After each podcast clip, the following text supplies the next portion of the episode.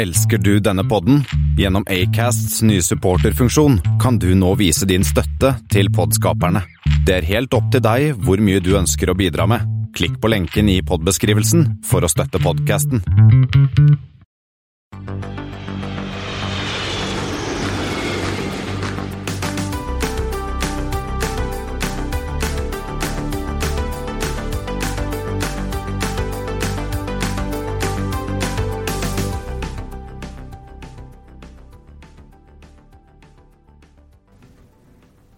Heia! Velkommen om bord på Flypoddens flight 128. Og i dag sender vi direkte fra Norges luftfartshovedstad, og det er da Bodø. Det er mandag 12. oktober. Du hører fra meg, Yngve Angvik, og med meg i cockpit har jeg med meg Espen Næss. Og bak i kabinen har vi Kristian Kammer. der liker jeg ham best. Vi har så mye bra materiale fra denne turen at vi tar ikke med alt i én episode. Men i dag har vi vært hos eh, Luftfartstilsynet og Widerøe. De intervjuene kommer i de neste to utgavene. Mens i går var vi på et veldig artig besøk hos Norsk Luftfartsmuseum og snakka med museumsdirektøren. Og det er det besøket vi skal høre fra i dag. Men vi fløy jo opp i går, og hvordan var det å endelig få luft under vingene igjen, Espen? Du, det var deilig å være på tur. Ja. Sånn eh, egentlig. Ja. Flytog, flytog hvor lenge siden jeg hadde tatt. uh, og dette var jo, I går var jo litt eh, pleasure. Så det var eh, lenge siden jeg hadde fått den deilige kalde morgenpilsen på Gardermoen uh, også, egentlig. Men, men for, si meg en ting. Får du pils i lunsjen, da? det vet jeg ikke, for der var vi ikke. Nei. Nei, dere kom ikke inn i lunsjen, nei. nei. Nei, Jeg kan ikke fortelle dere at det var ikke pils i lunsjen. Nei. Der var det ju- juice på boks og mat på boks. Men det var det på Ritazza. I Ingen servering på flyet heller. Nei, ikke, ikke på deres heller. Ikke, dere satt jo bak på Nei, vi fløy pluss. Du fløy pluss, ja. Ja, men uh, det, var- det var jo sånn Ja. Det var jo bedre belegg enn hva gjennomsnittet har vært i det siste, tror jeg. Så det var kanskje 70-75 fullt. God plass. Ikke på pluss. Ikke på pluss, Nei. men totalt i kabinen. Vi Ja. var åtte rader pluss, 15 Ja. stykker, og så relativt fullt bak. Eh, og det eneste man skal si, styret eller sånn, det er jo litt sånn irriterende å sitte med det munnbindet. Gleder meg til vi kan kaste det. Ja. Du Eh, kjørte Vollvik-munnbind, eller? Jeg hørte han Vollvik-munnbind, men de kan, man kan jo ha litt pauser, så jeg hadde jo kjøpt med meg potetgull på flyet og Farris. Jeg satt og spiste det, og da, kan du jo, da må du jo ta ned munnbindet litt. Grann. Du tok den der som han eh, engelskmannen gjorde. Han som spiste leste, Hørte om han? Han spiste potetgull i fire og en halv time. Ja, det var ikke fire, men jeg tok i hvert fall Jeg hadde bare kjøpt en liten pose, så, men trikset er kjøp større pose. ja. Og så la jeg merke til en annen ting, at uh, hele besetninga var trøndere. Uh, Ja, for- både i cockpit og bak i kabinen. Ja, for det normalt er før du skal lande på Ja, lande. Så kommer jo kapteinen på, eller noen ganger styrmann, og så sier han Det var en kort beskjed vi fikk fra cockpit. Ja, Normalt så er det jo sånn eh, Ja, vi begynner å nærme oss eh, bla, bla, bla, og vi lander om eh, bla, bla, bla minutter. Og her var det en trønder. Ja, og her er været og bla, bla. Men her er en trønder. Ja, vi er enige om et kvarters tid. vi er ned om et kvarters tid. Ja. Jeg fløy jo litt tidligere opp enn dere, eh, så jeg hadde dansk eh, kaptein i går. eh, Og fløy A320 Neo med Raccoon Nye farger. farger. Nye farger, og det er første gang jeg har fløyet med henne med nye farger. ja, det er det. Ja. Men Neon har du flydd. Men Neon har jeg fløyet, men Ja. ikke med nye Nei. farger. Nei, men Det var i hvert fall turen oppover. Um, I tillegg til praten med museumsdirektøren som vi hadde i går, så ehm, skal vi i denne episoden også innom et nytt flyselskap i Skandinavia. Skandinavia. Enda et nytt. Enda et nytt, ja. Ja. Ja, tror vi, da. Eller vi Ja, er eller kanskje vi, vi- ja, vi- vi får gjøre litt etterforskning her. Eh, Et nytt ish i Italia. Vi har fått et lyttespørsmål, og konkurshjørnet er åpent. Men først flight 128. Ja, jeg har funnet tre stykker til dere i dag, gutter. Og det er altså i hvert fall to ting til felles her. Vi begynner med VJ128, som går SGNHAN med en A320. Da er vi borte i Asia. Saigon, eller Ho Chi Minh, Ho Chi Minh, eh, som den eh, heter. Eller bortsett de fra byen, tror jeg det kaller det fortsatt Saigon, til Hanoi. Og VJ, er det Vietjet? Det er Vietjet. Og litt morsomt med SGN, for at byen har jo bytta navn fra Saigon til Ho Chi Minh City, men IATA-koden er den samme. Og det er vel én by til som jeg kan huske som har også gjort det der. Bytta navn på byen, men beholdt datakoden. Det er minst to andre. Du har eh, Mumbai, Bombay. Ja, ja, de der, ja, ja. Men de der, jeg teller ikke de. Teller ikke dine. Nei, jeg teller en annen som har bytta, bytta navn mye mer radikalt navnbytte. Ja, du har den uh, Konstantinopel? Nei. Jeg tror ikke de, jeg tror ikke liksom de andre de Du har eh, jeg si, den nye hovedstaden i Kasakhstan. Almaty?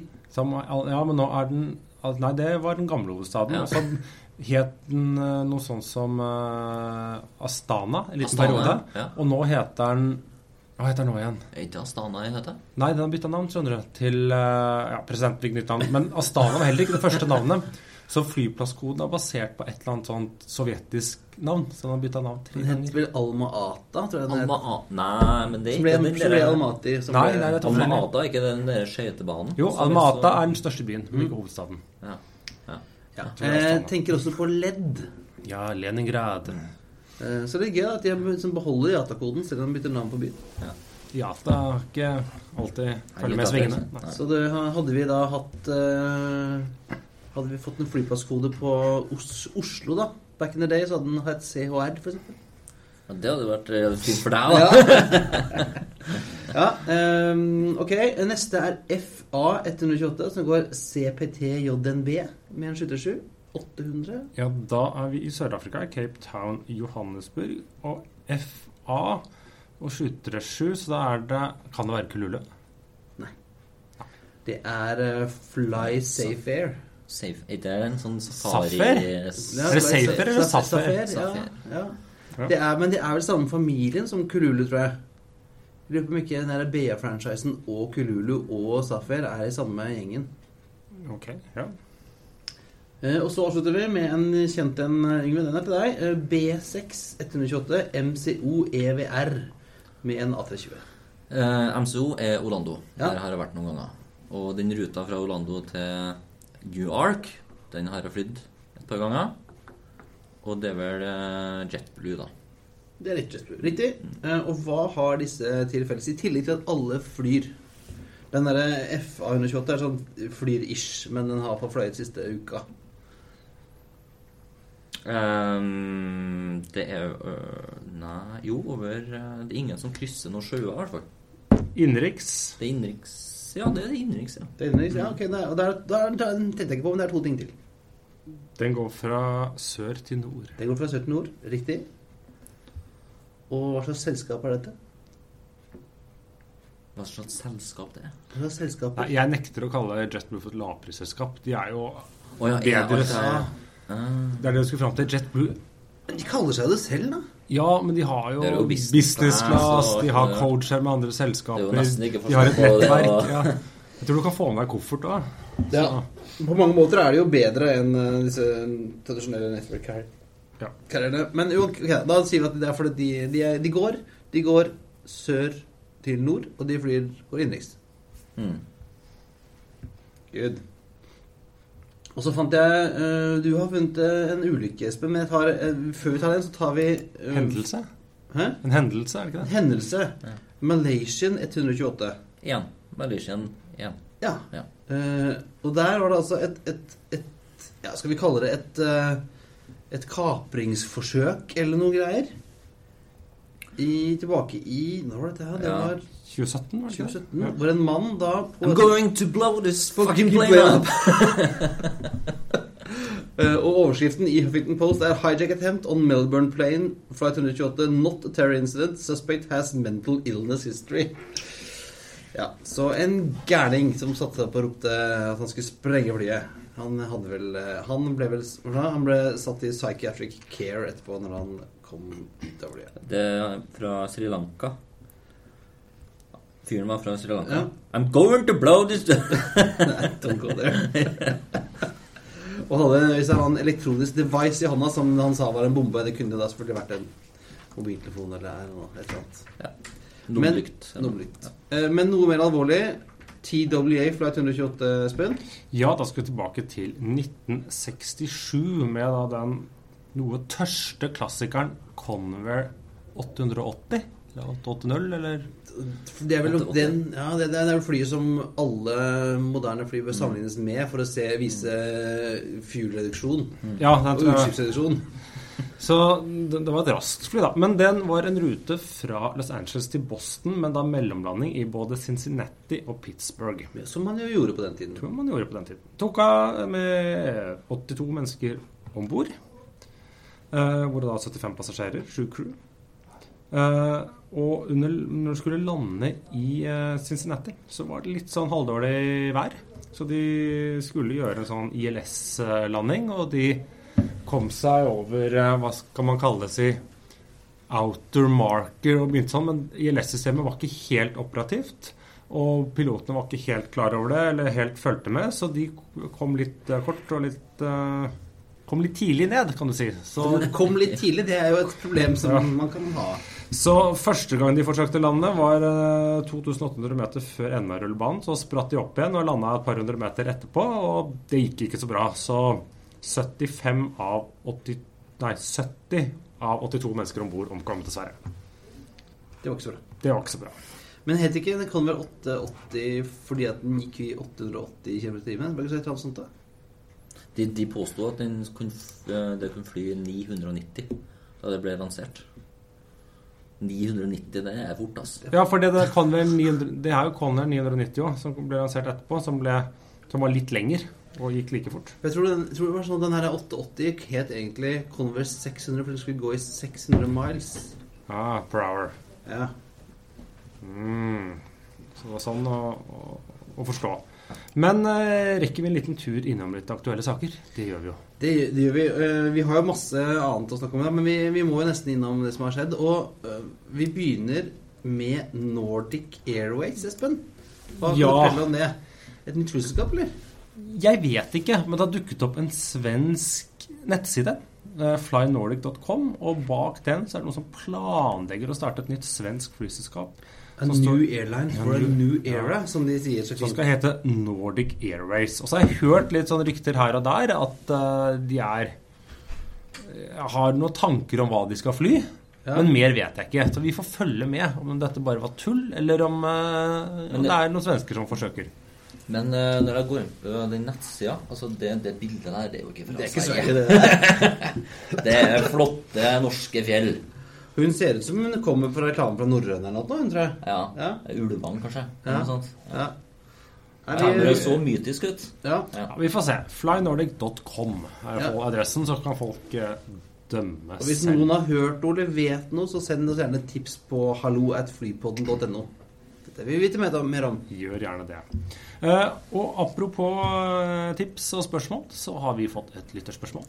Det har vi. Vi Ja. har fått et spørsmål fra en eh, lytter hos oss som lurer på hvorfor driver Air Belgium, våre gamle venner i Air Belgium Og dukker opp på Bergen Flesland med jevne mellomrom. Ja, dessverre ikke når jeg var der. Eh, men de er der nå en gang i uka. En gang i uka, eller i hvert fall annenhver uke. Nei, Det skyldes at de frakter oljearbeidere. For Oddfjell Drilling har en rigg som borer for Total utenfor Sør-Afrika, og skal gjøre det fram til i våres. Og i disse koronatider, for å få folk trygt eh, til og fra dem, så har selskapet rett og slett leid inn Air Belgium. Så derfor eh, dukker da Air Belgium opp på Bergen og flyr til Cape Town. Men er ikke det Det er en A340. A340 300. Ja. Og, og dette er jo fra før din tid eh, i podden, eh, Yngve. Men, men Air Belgium har vært et selskap vi har fulgt ganske tett Ja. opp, opp igjennom. Ja. Eh, har vært en liten føljetong ja. Eh, med Air Belgium. Så det er veldig gøy at de nå er fly på Norge. De skulle jo fly til halve Kina, men det ble ikke noe av. Men de, de lever videre. Ja, utrolig, altså. Med de gamle kjernene sine. Men de har jo hub på verdens kjipeste flyplass, og det er Brussels Charleroi. Det, det var faktisk der jeg fløy Wizz eh, fra. Eh, det er packed. Ikke nå, da. Nei, jo, du vet aldri, men altså, det er en helt grusom flyplass. Det er, det er omtrent umulig å komme seg dit. Og når du først kommer dit, så står du pakka i kø fra eh, inngangen til terminalen og til du er ved gate. Og Belgia er ikke så stort land, så det er vel sånn reist i halve landet før du er der. Fra Belgia Ja, du er halvveis til Frankrike. Hvis du kommer til bra. Ja. Men, ja, for det, jeg har aldri vært der og fløyet, men du har altså tatt, eh, hatt gleden av å fly fra Charleroi? Ja. Eh, og flere av de som har besøkt meg også, har jo flydd eh, fra Rygge til Mm. Charleroi. For de fløy jo da eh, Hva var det? Ryanair? Ryanair, ja. Mm. Men fra en håpløs flyplass til et håpløst flyselskap.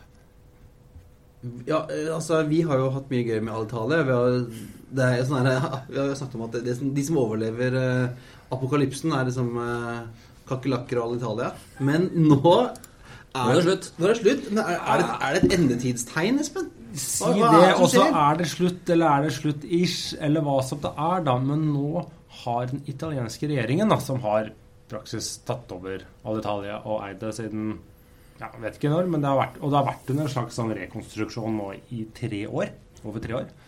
Eller 1256 dager, som eh, noen skriver. Ja. Men da 9.10 besluttet den italienske staten å etablere Italia Transporti Aero Spa eh, som en avløser for Alitalia. Spa, er ikke det sånn AS? Jo. Jo, det er Eller AS på ja. det. Eller veldig kult på, som Ola Halvorsen ville sagt. Spa. Eh, så de eh, får med seg 3 milliarder euro i kofferten. Eh, jeg er sikker på ikke noe det blir borte på vei. Eh, og da skal starte et nytt. Men så er det liksom ikke helt forstått. Skal det kalles ITA eller ITA? Bare det? Eller skal det faktisk kalles Italiana? Skal flyene males om, eller hva skal navnet utad være? Det føler jeg heller ikke er helt, eh, helt klart. Og materiellet blir det samme? Ja, Det vet jeg heller ikke. Men poenget er at Samme folk folka, samme avtalene. ja, det er jo det, de må jo kvitte seg med avtaler og gjeld og, og fly. Men så blir det spennende å se hva som dukker opp. Men nå har man i hvert fall noen De har i hvert fall laget et selskap, da, disse italienerne. Og de har et navn, men om hva som skal stå med stor skrift på flyet Jeg tror at det kommer til å se ut som en svær pølse. Fordi at det første du Når du søker på Italiana på Google, første som kommer opp, er Italiana salami. Så The Flying Sausage eh. Og det, jeg vet at du er veldig glad i italiensk salami, Espen. Ja, Jeg har fått hørt rykter om det. Spiser løpet av pizzaen, vet du. Vi får uh, får se hva som skjer, da. Men da er det liksom Har da gitt opp all Italia? Det tyder sånn.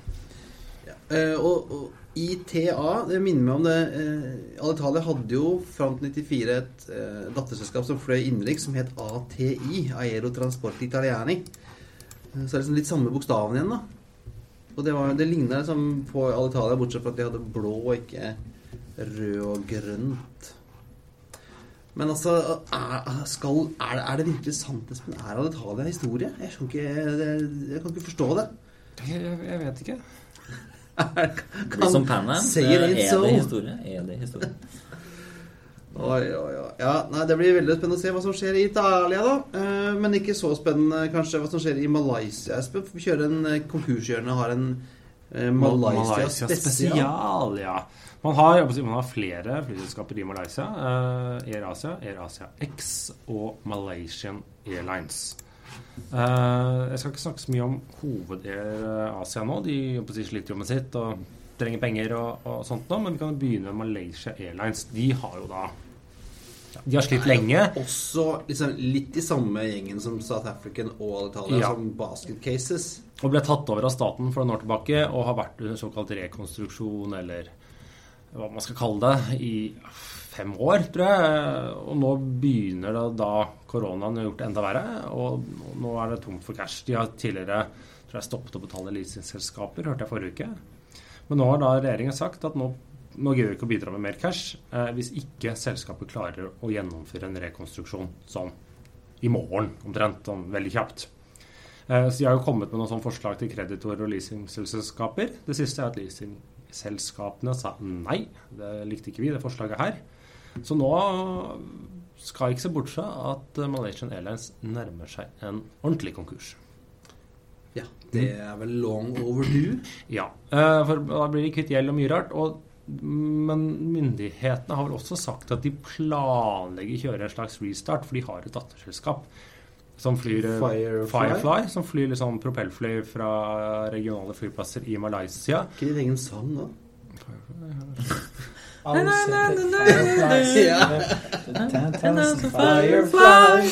og der, på, på, med, med en baritonrøst bak i hjørnet, så hørte vi også Thomas Lone. God dag, god dag. Ja, der er han med i dag òg. Produsent for dagen. Ja, produsent og husfotograf. Ja. Produs produsent, husfotograf, fasilitator og generell spinndoktor. At your service. Vi kommer tilbake til deg også seinere, Thomas, når vi har eh, innslaget fra Widerøe i senere episode. Men det får se hva som skjer. Så disse Firefly de flyr som sagt er regionalt i Malaysia i dag. Og så flyr bl.a. mye fra den gamle flyplassen i Kuala Lumpur eh, til og bl.a. til da, eller i hvert fall før korona, til Seletar, den andre flyplassen i Singapore. Som et av få selskap. Did Så- not know this. Mm. Men så skal vi da over til Air Asia X. Det er liksom den delen av Air Asia som sliter virkelig. Longhold-delen deres, som har veldig mange nye dyre fly i bestilling. Og har veldig mye gjeld, og alt sammen står nå på bakken. Og Air Asia selv og de eksisterende aksjonærene har ikke så mye egentlig cash å bidra med. Nytt. De er Tony mer, Fernandez har ikke noe mer penger. Nei, de er mer enn nok opptatt med seg selv, så de har veldig mye gjeld. Og det siste jeg hørte nå, var at de foreslo for kreditorene sine at ja, kan vi ikke bare skrive av 99% av gjelden? Kan ikke bare Kan ikke begge komme igjen, da! Så de er nå i forhandlinger, men de er også Eller lav, lav odds for de eh, potensielt er slutt for. Men det blir spennende å se. Yes. Men da skal vi forflytte oss bak, tilbake i tid på flere måter. Til gårsdagens besøk på Norsk Luftfartsmuseum, eller også kalt Flymuseet i Bodø, som folk kaller det. Mm. Der hadde vi et møte med Arne Kristian Fjellberg, som er museumsdirektør. Mm. Ganske ny, nyansatt. Da begynte vi i våre fjor, vet du. Eh, ja, eller var det Ja. Eller ikke så lenge siden. Og så, men i tillegg da så snakka vi med Tore Bugge Pedersen. Som er leder for uh, flysamlinga, ja, ikke det? Den sivile. Ja, Den sivile flysamlinga. Og det er en kunnskapsrik mann. Ja. For å si det mildt. Ja, ja. Utrolig interessant å høre på. Vi snakka lenge etter podkasten også. Vi i tillegg til eh, Ja, for vi var jo både inne i, i Fokkeren, og så dro vi jo ut eh, også til, og så på den skyttersjuen som eh, de har fått av Norwegian. Eller de har ikke fått den, de har kjøpt den. For en krone. For en krone. Ja. Eh, som nå skal gjøres, klargjøres å få Ja. tauet over. Den har jo siden. stått lenge på militært område i Bodø. Men Ja. nå kan vi bekrefte at, og som de også sier selv, nå så de med egne øyne. Nå står de med gravemaskiner og legger grunnarbeidet for da den plassen hvor den skal parkeres foran museet. Og hvordan de gjør det, det får vi høre i intervjuet. Tror vi skal høre intervjuet. Ja, Kan vi ikke bare Roll the tape. gjøre det?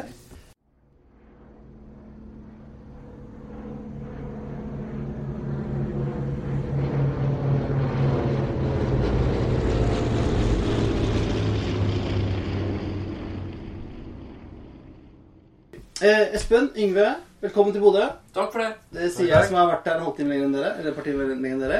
Eh, og vi sitter nå på Flymuseet. eh, Norsk Luftfartsmuseum heter det vel eh, formelt. Og ikke bare på, men Nei, i, vi sitter i eh, Olav Kyrre. Eh, Bråten Safes gamle F-28. Og jeg er såpass gammel men jeg tror faktisk at jeg kan ha fløyet denne en gang. Det har ikke jeg. Nei, det har ikke du. Og med oss har vi selveste museumsdirektøren. Hei, Velkommen. hei, hei. Jeg heter Arne Kristian Fjellberg og er direktør ved Norsk Luftfartsmuseum. Og Tore Bugge Pedersen, leder ved samlingsavdelinga på Norsk Luftfartsmuseum. Og øhm, Heldig at dere kunne komme og møte oss her på en søndag. Øh, vi kommer opp flyene opp. Og vi har jo vært og tassa litt rundt på museet og, og tatt på noen øh, tatt, tatt på Junkeren. Kost meg mye med Junkeren i stad. Eh, men hva er liksom Hva er juvelen i kronen, egentlig? Ja, vi har jo mange juveler her. Det er litt, litt, sånn, Du kan ikke spørre hvilket barn du er mest fra nei. heller. Det er sånn Nei, Det er, det er veldig mange juveler her. Den store juvelen syns jeg for så vidt er historien gjennom det hele. På den militære siden så har vi jo den militære historien eh, gjennom eh, alle tider. Fra egentlig første flyvning med militære flyene så opp til i dag. Og på den sivile siden så har vi også fortalt luftfartshistorien fra den første flyvninga starta, og gjennom hele historien til i dag, og hva som også er fremtiden. Så, så sånn sett så syns jeg det er eh, Det er på en måte juvelene i det hele. Og, og museet er jo er det, Nå er det jo flere museer i Norge, flymuseer, men dette er vel det viktigste. Dette er jo det stadig sånn, det nasjonale flymuseet. Ja, og du er helt rett. Dette er det nasjonale museet. Eh, Og det er jo det eneste nasjonale museet i Nord-Norge. Det er også verdt å legge merke til. Og vi har, eh, har tilreisende fra hele landet, og vi hadde veldig mye besøk i sommer da, som et nasjonalt eh, hva skal jeg si, eh, museum. Og ja, du, du, fordi jeg, nå er Museet i to deler. Det er en sivil del, og så er det en militær del. Hvordan har dere bygd opp de forskjellige eh, sam, eller, samlingene? Vi har jo et veldig nært samarbeid med Luftforsvarsmuseet, som er, har samlinger inne på militær side, og som, som står for den. da. Så dem, eh, og så, eh, Vi representerer jo primært den sivile sida, så jeg jobber jo med samlingene på den sivile sida. Eh, Sånn at det er jo egentlig to museum under ett tak, og så er det jo det, nasjonalt, det nasjonale museet da, som blir, blir overbygninga på det. da. Ja, Vi koste oss jo selvfølgelig mest i det sivile, og et av tingene som jeg syntes var gøy, var eh, denne islanderen til Norving. Eh, har jeg aldri sett live. Den var mye mindre enn jeg trodde.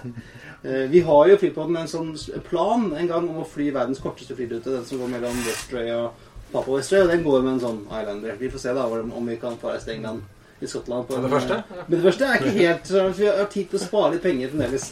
Så dere som eh, gir oss penger eh, via Patrion f.eks., det går til Papa Westray-fondet. Det er bare å gi som det svir. Jeg har hørt rykter om at den, eh, den flyruta står i fare for å bli lagt ned. Så vi må kjappe oss, det er det du sier. Hvis det skjer, så er verdens korteste rute mellom Kirkenes og Vadsø. Ja, Den har jeg tatt, da, så det er ikke så gøy. Og uh, Islander flyr ikke der det lenger. Nei. Nei, den, den hadde flere med en Dornier back in the day. Ja. Uh, men eh, kan ikke du fortelle litt om hva, hva, hva er det som um, Hva kan man oppleve på flymuseet? Du kan oppleve eh, alt, egentlig, fra den første ballongflyvninga, eh, hvor det kom en ballong inn fra Nederland og landa over Norge i eh, 1872 Eller nei, 1782 var det vel faktisk. Og, og, og frem til i dag så kan du altså oppleve det nyeste som kommer her nå inn i museet, som da er et politihelikopter. Eh, det som politiet brukte i, i, i beredskapsøyemed. Eh, Det satser vi på å ha på plass her på nyåret. Ja, og vi har jo for å gå litt, rundt da, Espen, vi har jo sett uh, I tillegg til denne fokkeren som sitter i nå, så har vi jo resten av Gissur Viking, den som uh, desenien til SAS som gikk i bakken litt hardt i Værnes. Ja, Widerøe-pinotter henger jo i taket her. Den Hønningstad C5 Polar har jeg aldri sett uh, før nå. Den henger her. Eh, Det henger et ambulansefly, eller ambulansehelikopter henger her. Den uh, Islanderen har vi snakket om. Uh, Junker 52 til uh, DNL. Og så er det jo noe annet på vei eh, også til museet. Vi, Ja. det er, du får noe større. Eh, ja da, eh, jeg får en Boeing 737 her ganske Ja. snart. Eh, og den har vi jo for så vidt allerede fått, så den står jo inne på Bodø flystasjon nå. Og er eh, i løpet av en måneds tid forhåpentligvis på vei over fra flystasjonen og til en plattform her på utsiden av museet. Ja, for Hva er planene for den rent konkret? Planene for den eh, rent konkret er å bygge opp et, eh, et eh, si, interaktivt opplegg på innsiden av museet, hvor vi kan ta inn ungdom, voksne, de som måtte ønske det, på et opplegg som heter Bli pilot. Der kan du få kjøre tester av deg selv og prøve deg på tester som piloter normalt må gjennom for å bli pilot. Parallelt med dette så står jo flymaskinen på utsiden. Den vil bli kobla til museet etter hvert. Det skjer ikke med en gang. Og vi har også et samarbeid med Bodø videregående skole, flyfaglinje, som ligger vegg i vegg med oss, som skal bruke flymaskinen på utsiden til elektronikk og hydraulikkundervisning. Så kan man komme inn. Så kan du komme inn etter hvert. Det går litt skrittvis her, men foreløpig kommer den på utsiden. Ja, og så du sa du, den, den står på militært område i dag, og så er det, har jeg skjønt, eh, en liten plan for å få den over hit. Og det er ikke bare å taue den bort. Nei, det er det ikke i det hele tatt. Det, det går ikke taxiway. Eh, Flyet veier over 30 tonn. Og eh, ja, vi må, vi må i samarbeid mellom flystasjonen så må det lages en, en midlertidig vei som vi rett og slett flyet skal taues over. Og der skal vi krysse senterlinja på rullebanen. Så vi må ta ned noen av lysene til innflygninga. Så vi, har, vi får et, ei, et tidsrom fra Avinor, hvor vi kan slepe gjennom der, og hvor vi får lov til å ta ned de lysene. Og så skal den jo stilles her utenfor museet. Og det her er jo ja, det er svære greier. Vi må ha mobilkran i, eh, i bakhånd hvis vi skulle få en punktering eller noe annet skulle skje. fordi at det, vi kan ikke gå fra et fly som står i, eh, i innflyginga.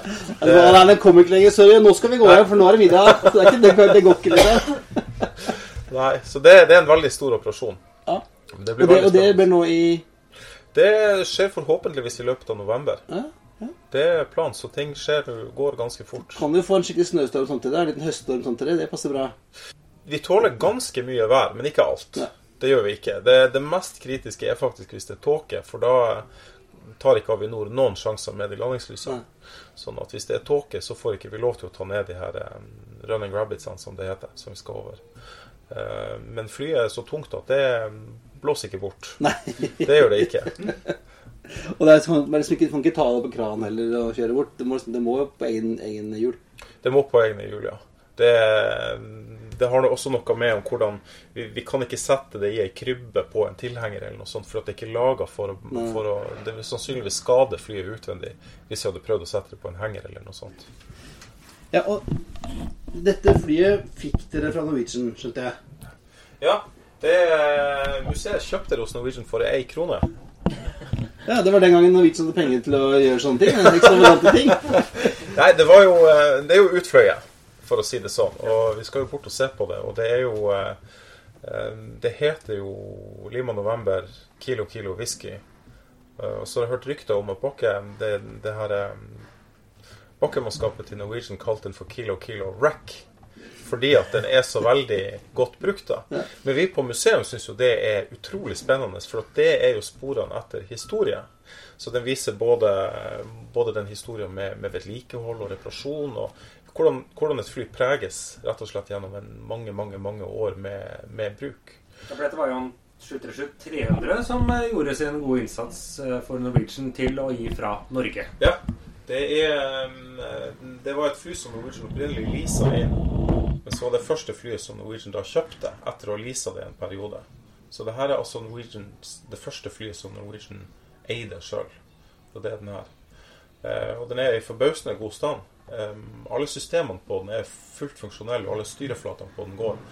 Så vi har jo en plan at vi sammen da med, med flyfag skal få satt strøm på den, så de kan kjøre systemsjekker på den, og alle styreflatene skal være operative, sånn at vi kan forhåpentligvis lage formidlingsopplegg rundt det. Og det blir jo det eneste flyet som jeg vet om i utstilling hvor alt blir live, da. Bortsett fra motorene. De Ja. tatt ut. Og, og utseendemessig så er flyet hvitt. Skal det forbli hvitt? Um, det er, har vi ikke landa helt enda. Um, det hadde Rød Nese og, og Unicef som halehelt. Uh, men så er det jo faktisk vanlig for flyselskapene at i perioder så flyr jo fly helt hvit. Det er gjerne mellom Hvis de skal skifte livery, altså flyselskapene forandrer utseendet på flyene sine. Hvis det er fly som er på vei inn eller ut fra Hvis det er innlånte fly som skal tilbake, så er det ikke uvanlig at man kan se helt hvite fly som flys i, i rutetrafikk fordi de er på vei. De er i en sånn her mellomfase, kan man si. Så sånn sett sånn at det at den står der borte nå helt hvit, det er ganske sånn sannferdig. Og det er historie, det også. Som forteller noe om bruken av de her maskinene. Men den vi sitter i nå, eh, gamle Olav Kyrre, har jo periodevest i Bråten livery, og Norwing-maskinen her nede har Norwing-farger. Og, og Widerøe-Tynotteren har jo den opprinnelige Widerøe-malingen, da. De er jo eh, Den Islanderen Eller Eller juksa. Nei, Islanderen er sånn som den har sett ut, men den hadde ei hard landing, så han rett, vi har retta den litt opp. For det var, det, var, det var en lett banan på den. Den her er, er derimot har blitt restaurert og malt opp igjen. Og Tvinnotteren er, er, hvis ikke jeg husker helt feil, er helt original. Sånn som den så ut når den kom rett ifra Widerøe. Den landa jo her i Bodø, og så ble den mer eller mindre taua rett inn i utstilling. Men hvordan, hvordan får dere objekter som fly, f.eks.? Eh, Det varierer veldig. Ofte er det heldigvis sånn at de som opererer de flyene her, tenker at, de kan ha, at vi kan ha interesse ut av det. Så det er ganske vanlig at, at um, når flytida har gått ut, altså når, når um, kroppen rett og slett har flydd ut hele timeantallet sitt, og de gjerne er for gamle til at de gidder å nullstille dem igjen, så er det mange som tenker sånn at kanskje det her kan være noe for Norsk Luftfartsmuseum. Og så er det jo tilfeller da hvor vi, hvor vi rett og slett på forhånd tenker at her er noen maskiner som, vi, som er viktige, og som vi har veldig lyst på. Men hvis du snur på det, da. Hva skulle drømmeflyet være? Hvilken drømmemaskin er det for Luftfartsmuseet? Vi har jo de fleste. Ja. Jeg er veldig svak sjøl for den sjøflyperioden eh, mellom krigen og fram til kyllingmarkene. Um, vi har jo noen av Hønningstad C5 Polar. Så har du denne Norsemanen som er Ja. i restaurering, eller skal den bli sånn som den er? Eller? Den blir nok ikke Den skal ikke, den skal ikke ferdigstilles helt, for det er veldig fint å kunne se denne hybridkonstruksjonen hvor du har ei, ei stålramme med trespiler og, og sånn. Men, men et, et fly som jeg sjøl er veldig svak for, er Republic Seabee.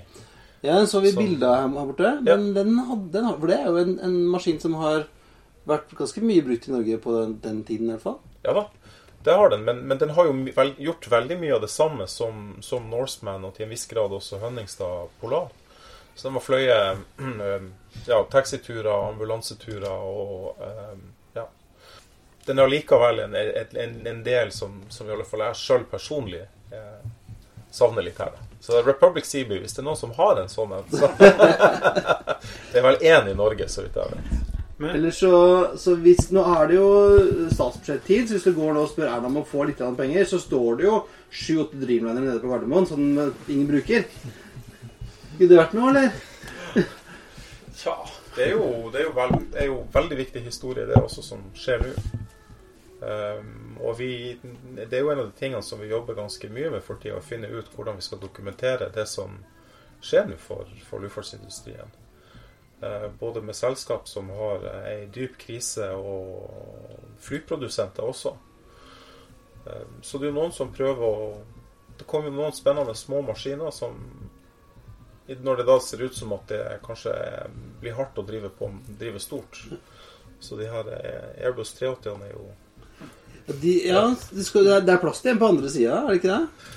Hvis jeg legger den på sida, så kanskje Men det skal vi kanskje ha litt mer eh, tilhørighet til, norsk, til det norske Ja, markedet? det må, være, det, må, det må være det. Vi er jo hovedsakelig Vi er jo et museum om norsk luftfartshistorie. Eh, Sånn at det er jo de tingene som, som må ha en konkret betydning og må ha spilt en rolle. Så at vi samler jo ikke sånn som en en bilsamler samler biler. ikke sant? Vi er kanskje interessert i Hvis vi hadde, hvis vi hadde drevet på med biler, så skulle vi hatt en 240 stasjonsvogn. Mens en samler ville hatt en Jaguar type E. ikke sant? Mens vi er den som skulle hatt en, en slitt 240 stasjonsvogn, for at den, den, den betyr så mye i samferdselshistorie. Ja, så har dere ganske bra samling her med, med denne 28 og, og 28-eren og, liksom, og 77-en, ja. som er viktig for den, den nyere delen Ja. av versjonen. Men for noen år siden så gikk det jo en MD par MD80 til ørkenen. Var det sånn, ble det litt surt at ikke de ble én i Norge, kanskje? Langt på vei så gjør jo den mye sånn som mye det samme som den fellowshipen som vi sitter i har gjort. Ja. Sånn at det er, vi, det er jo litt av det vanskelige med museet, at vi når ikke overalt. Så vi må gjøre noen sånne her eh, utvalg. Og, og, og, det, er- og det er jo klart at det blir veldig veldig viktig å gjøre utvalg når, eh, når flymaskiner er så plasskrevende som de er. Vi kan faktisk ikke få plass til alt inne. Nei, jeg ser her mangler vi en vinge til og med. Ja. Har, du, har du tatt vare på vingen et sted, eller har du kasta den? Vingen står inne på magasinet vårt. Sånn i tilfelle den skulle fly igjen. Ja. Det- Får vi- får plass, da? Nei, Man må gjøre noen utvalg, for, eh, og og det er viktig å ta vare på og ha et bevisst forhold til hva man ønsker å ta vare på, og hva man ønsker å formidle. Det har vi hele tida vurderinger på. Det er veldig, Jeg syns det er veldig gode vurderinger. Det er veldig store diskusjoner, og, og de landes på fornuftige løsninger. Eh, Og det er klart at med så plasskrevende objekter som et museum har, altså et flymuseum har, kan ikke sammenligne seg med andre typer museer. Det er Småflaskemuseet til Ringnes, liksom. Riktig, riktig. Der kan du jo ta tusenvis av objekter inn, men i Luftfartsmuseet så må du gjøre et utvalg. Rett og slett for å få det under tak.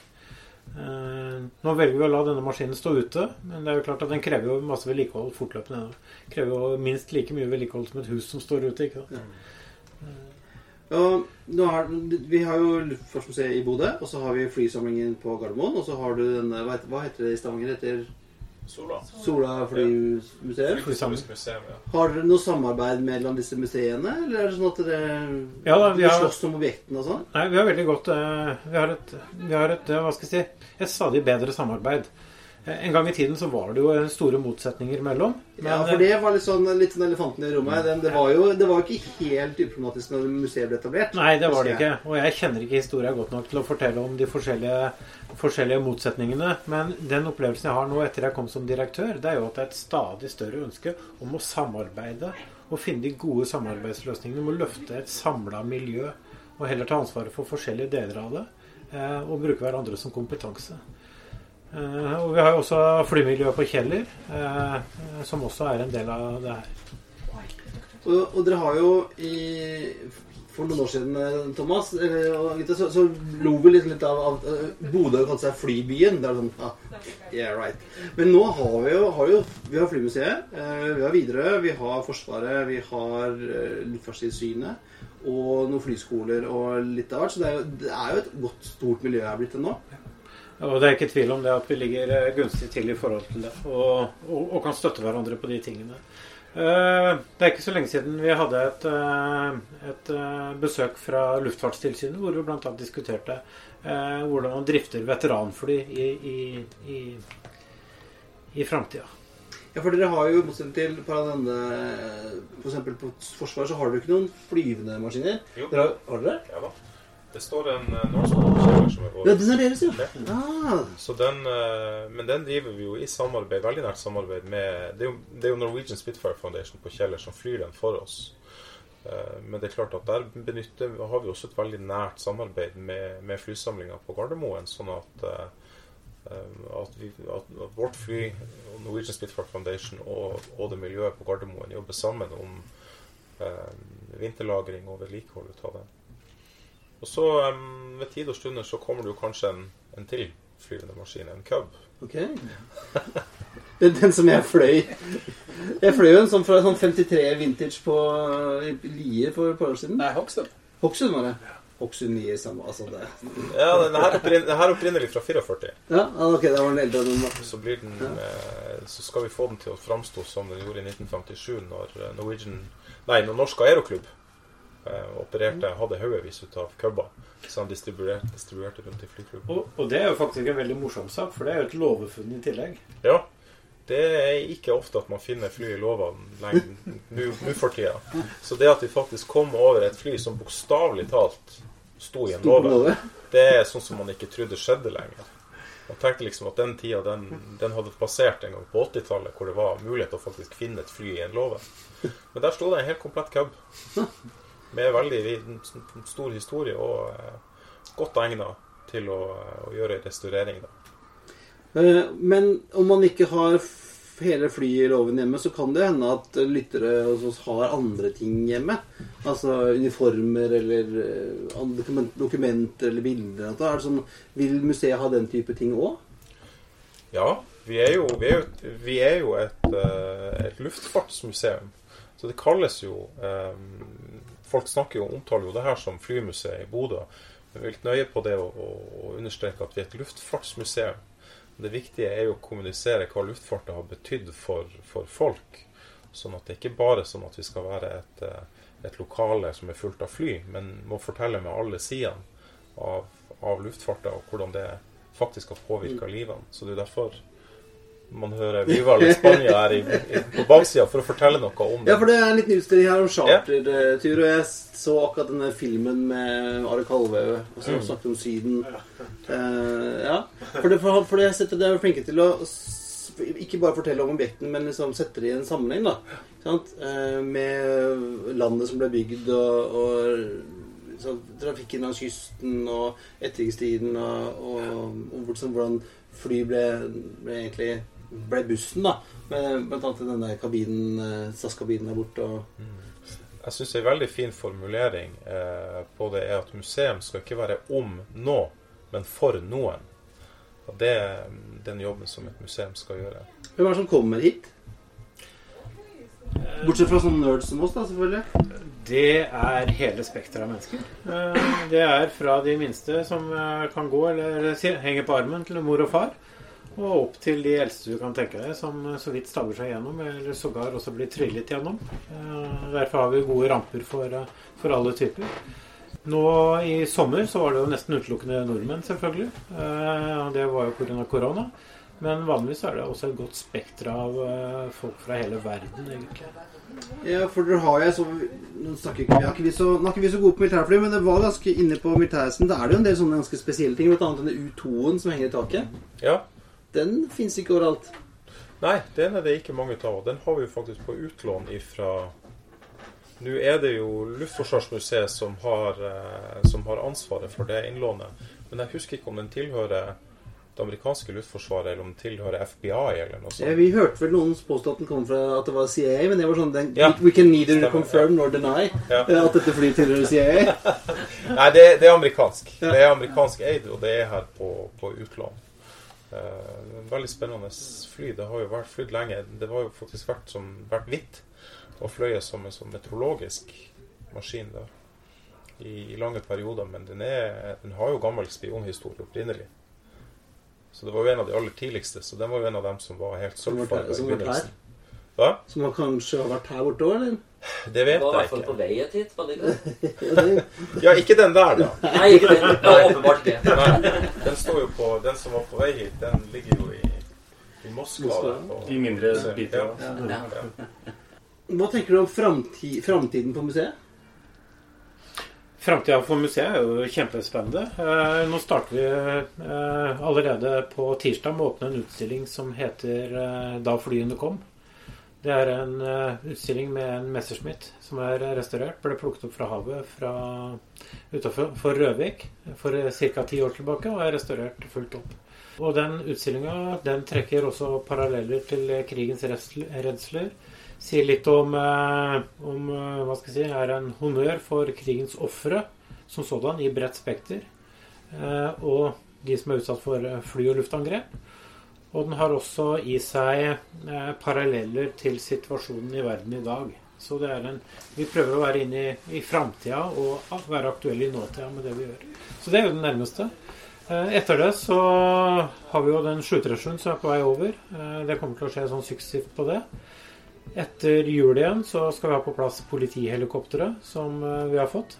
Eh, Og så kommer det en liten sak som vi heller ikke har, eh, har eh, tatt inn i utstillinga ennå. Men eh, vi er jo også i samtida der. Vi får et elfly. Det som eh, noen ødela nede i Arendal, eller? Det stupte, stupte kråke i et tjern. Det som er, det som er morsomt, er at en av mine sjefer, statssekretær i Kunnskapsdepartementet, hun var med Ja. på den, den turen. Så elfly allerede på museum, altså det lover ikke godt, da. Eh, Du kan si at det lover ikke godt, eh, kanskje, men eh, på den annen side så er jeg veldig glad for å ha fått den gaven. For det forteller også noe om den tida vi er i, og utviklinga. Både miljøaspektet, hvordan man tenker, og er på en måte et brytningspunkt, det òg. Så får vi se da på sikt om det er den flymaskinen som lagde brytningspunktet, eller om det kommer inn noe annet som faktisk har betydd noe mer. Men vi kan ikke la være å samle historien fortløpende uansett. Ja, øh, men øh, maskiner som betyr noe, da er det kanskje ikke så lenge til at dere får en Dash 8?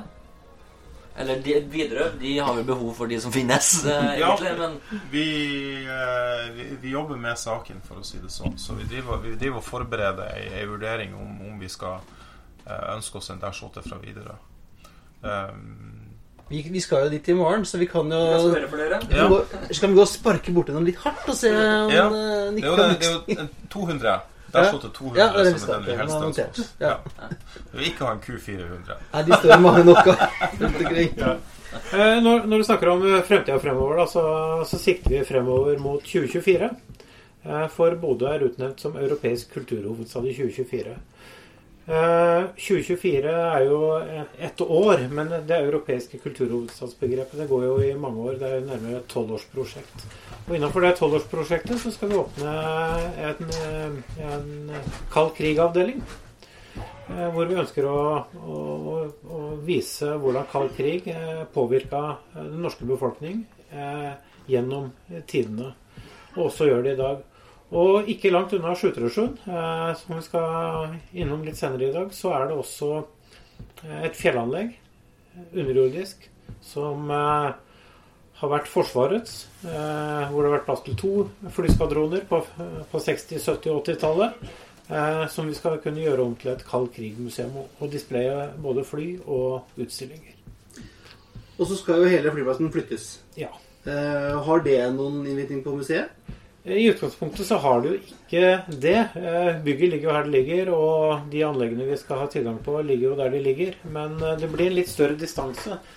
For her går det an å gå opp i flytårnet f.eks. og så se landing og takeoff osv. Vi vil nok miste noe av den connection eh, etter hvert. Men Avinor har jo sånne fjernstyrte flyplasser. Kan du bare få det samme anlegget opp der? Ja, jeg har vært inne på tanken om vi skulle få en overføring fra alle disse fjernstyrte flyplassene etter hvert, så vi kan se de hvor som helst.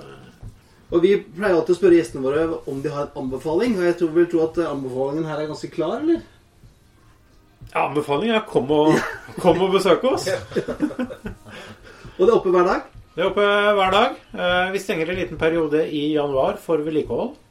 Eh, Det er vedlikehold som er helt nødvendig av både sikkerhetsgrunner og, og, og utstillingsgrunner. Eh, Og så åpner vi igjen etter tre uker. Eh, Men både før og etter den perioden, hjertelig velkommen. Og det er åpent hver eneste dag frem til 16 eller 17. Det var en ganske klar oppfordring, Espen. Ja, det er bare, den er bare å følge. Ja. Og vi har tasta ut i dag. Det er eh, sprit overalt. Det er som det vi er i Nord-Norge. Det, er sprit- det er sprit overalt. Eh, God plass. Og ikke så mye folk akkurat da, men det er kanskje litt, en, det er veldig fint vær ute. Og så heller være ute enn inne på et museum. Men det kan anbefales. Takk. Så takk for det. Tusen takk.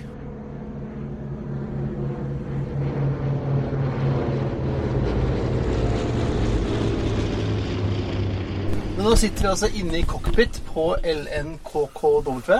Ja, det gjør vi. Det er en flott opplevelse, syns jeg. Og her den står, så har vi jo den fine utsikten også. Og så er den det, jeg, det, det ser ut som det er ganske komplett. Det, vi skal ha mottatt den helt komplett, så jeg ser det mangler brannslukningsapparat der. Men bortsett fra det, så tror jeg det ser veldig bra ut. Og, og tanken er at den her skal kunne fyres opp. Den uh, skal vel ikke kunne fyres opp med motormessig, Nei, men... men- den skal kunne stå på strøm, den skal kunne starte alle instrumenter, du skal kunne bevege flaps, du skal kunne kjøre hydraulikk. Ja, så, kunne, så cockpit skal kunne lyse opp. Cockpit, cockpit skal kunne lyse opp, ja. Det er Og så kan egentlig også dra litt i stikka og Ja, sånn. det vil jeg tro at det blir. Det er i hvert fall det som er opplegget nå. da. Ja. At skal vi kunne gå ut og kjøre disse. Se et fly virke i praksis. Så ungdom som vil prøve seg i flybransjen eh, om eh, 10-20 år, når det, når det er fart igjen, de skal da kunne få en følelse, en smak på hvordan det er, da. Ja, ja, og jeg tror du, må, tror du må si litt sånn neste generasjon flyvere. For den nærmeste generasjonen den har vel eh, fulgt opp med å, å, å, å fylle de plassene. De få plassene som er ledige. Så, men jeg tror det blir et godt opplegg sammen med flyfag på Bodø videregående skole. Det er, det er én ting jeg ikke har nevnt, som jeg egentlig har lyst til å nevne. Det er jo at vi har jo eh, Newton Flight Academy også, som ligger tilknytta til parkeringsplassen vår. Ja. Der har vi også et samarbeid. Så, så det samarbeidet med flysimulatorene der, eh, Bodø videregående og flyfag, og denne flymaskina og Norsk Luftfartsmuseum, det vil jo bli et flott eh, trekløver. Så det blir jo litt sånn, det er jo, det er jo veteranfly å regne, med. Ja, det er ikke helt som eh, Dreamliner akkurat, eller eh, Max for den saks skyld. Ikke at vi ser så mye til den om dagen, men eh, det er jo veldig stille å sitte her i cockpit og kjenne lukta. Lukta av et eh, Det er 30 år gammelt, det flyet her. Litt over 30 år. Jeg tror eh, det også ble første gang registrert i Portugal. Om ikke jeg tar helt feil. Ble flyttet tapp, TAP, blant annet. Av et rumensk flyselskap. Norwegian. Og Norwegian.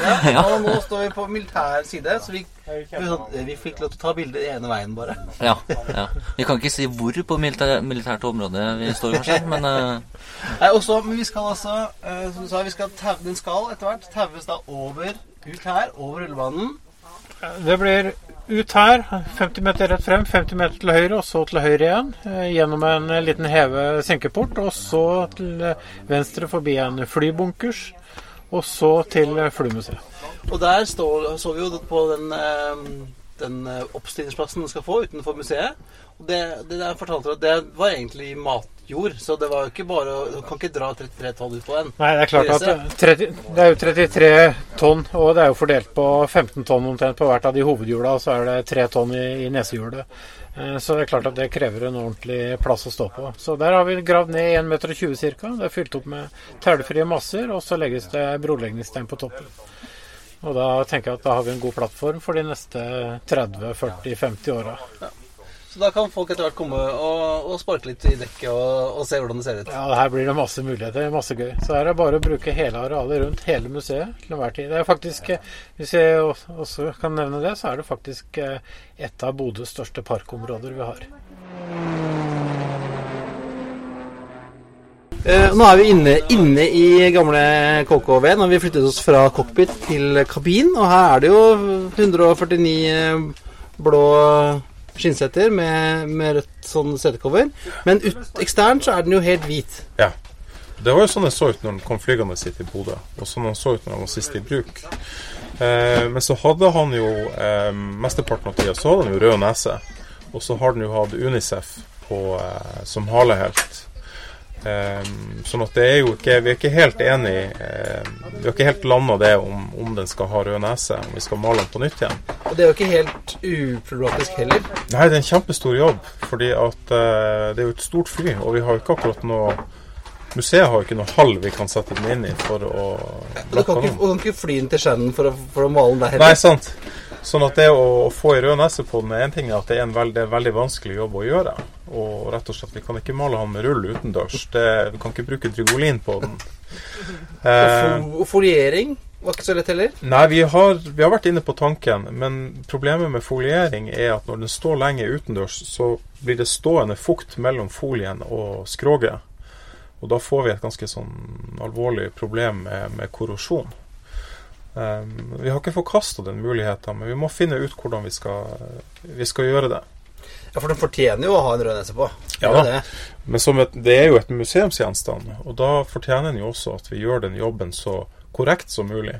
Så da må vi ha tak i rett maling, og vi må gjøre det på rett måte, sånn at vi er litt tro eh, i historien. At, som sagt, at det ikke bare å bruke drygolin, det, det går ikke. Nei, Det blir spennende å se hva som skjer. Uansett så blir det gøy å se ham på andre sida. Ja, det er ikke lenge igjen. Nei, Jeg så han fra Forsvaret. Han, sånn, han han vil gjerne bli kvitt den, da. Det var ikke sånn, var ikke sånn veldig vei, men det passa seg jo ikke her. Nei, De driver vel og rydder ut av flybasen nå snart, så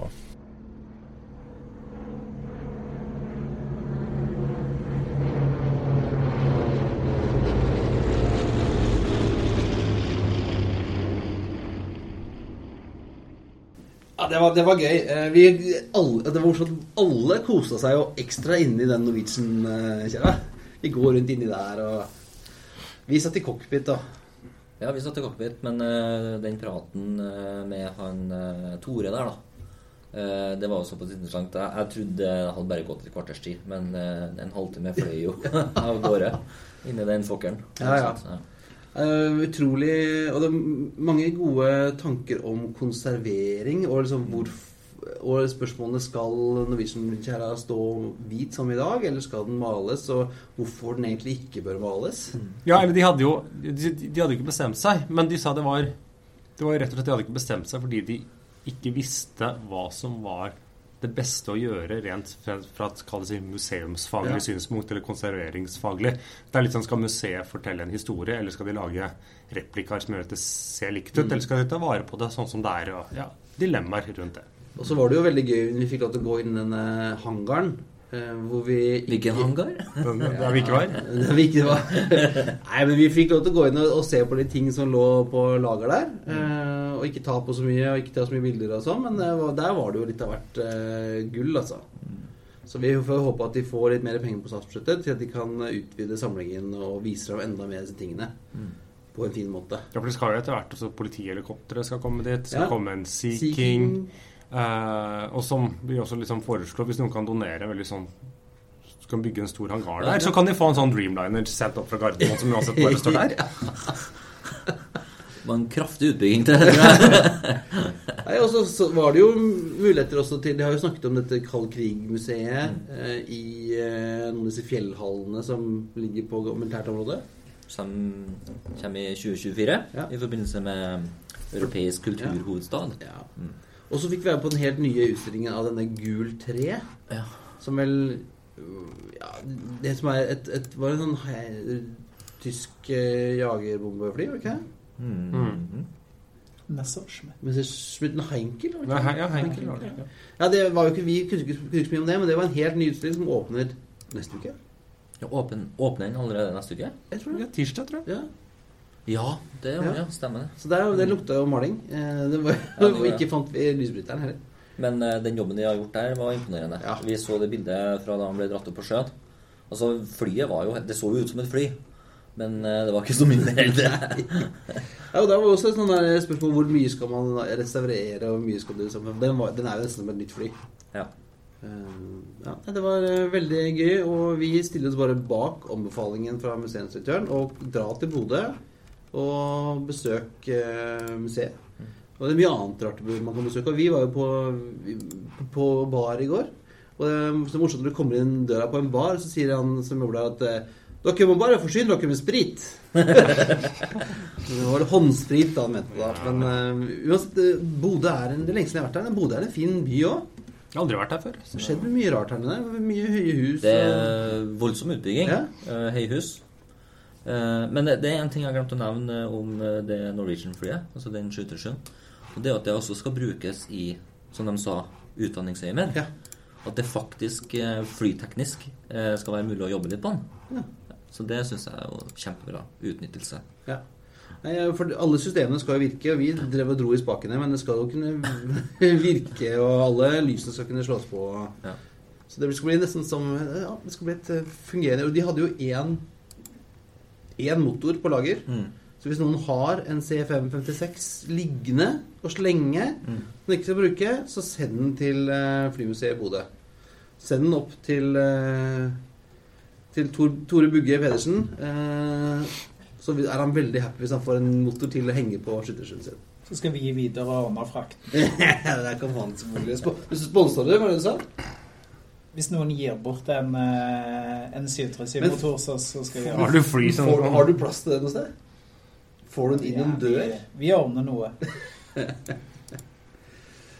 Men eh, det var det for denne gang. Det er på tide å feste sikkerhetsbeltene, rette opp setet og sikre fri sikt ut av vinduet ettersom flight 128 går inn for landing. Som vanlig finner du linker til det vi har snakket om i dag på flypodden.no. Du finner oss også på facebook.com slash flypodden og på Twitter at flypodden og Instagram at flypodden. Og har du spørsmål, eller vil du invitere oss på tur, eller sponse oss, eller ønsker du at vi skal snakke om noe spesielt, er det bare å sende en mail til hallo at flypodden.no.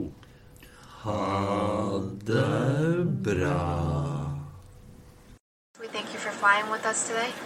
We truly appreciate your business and look forward to serving you on a future flight.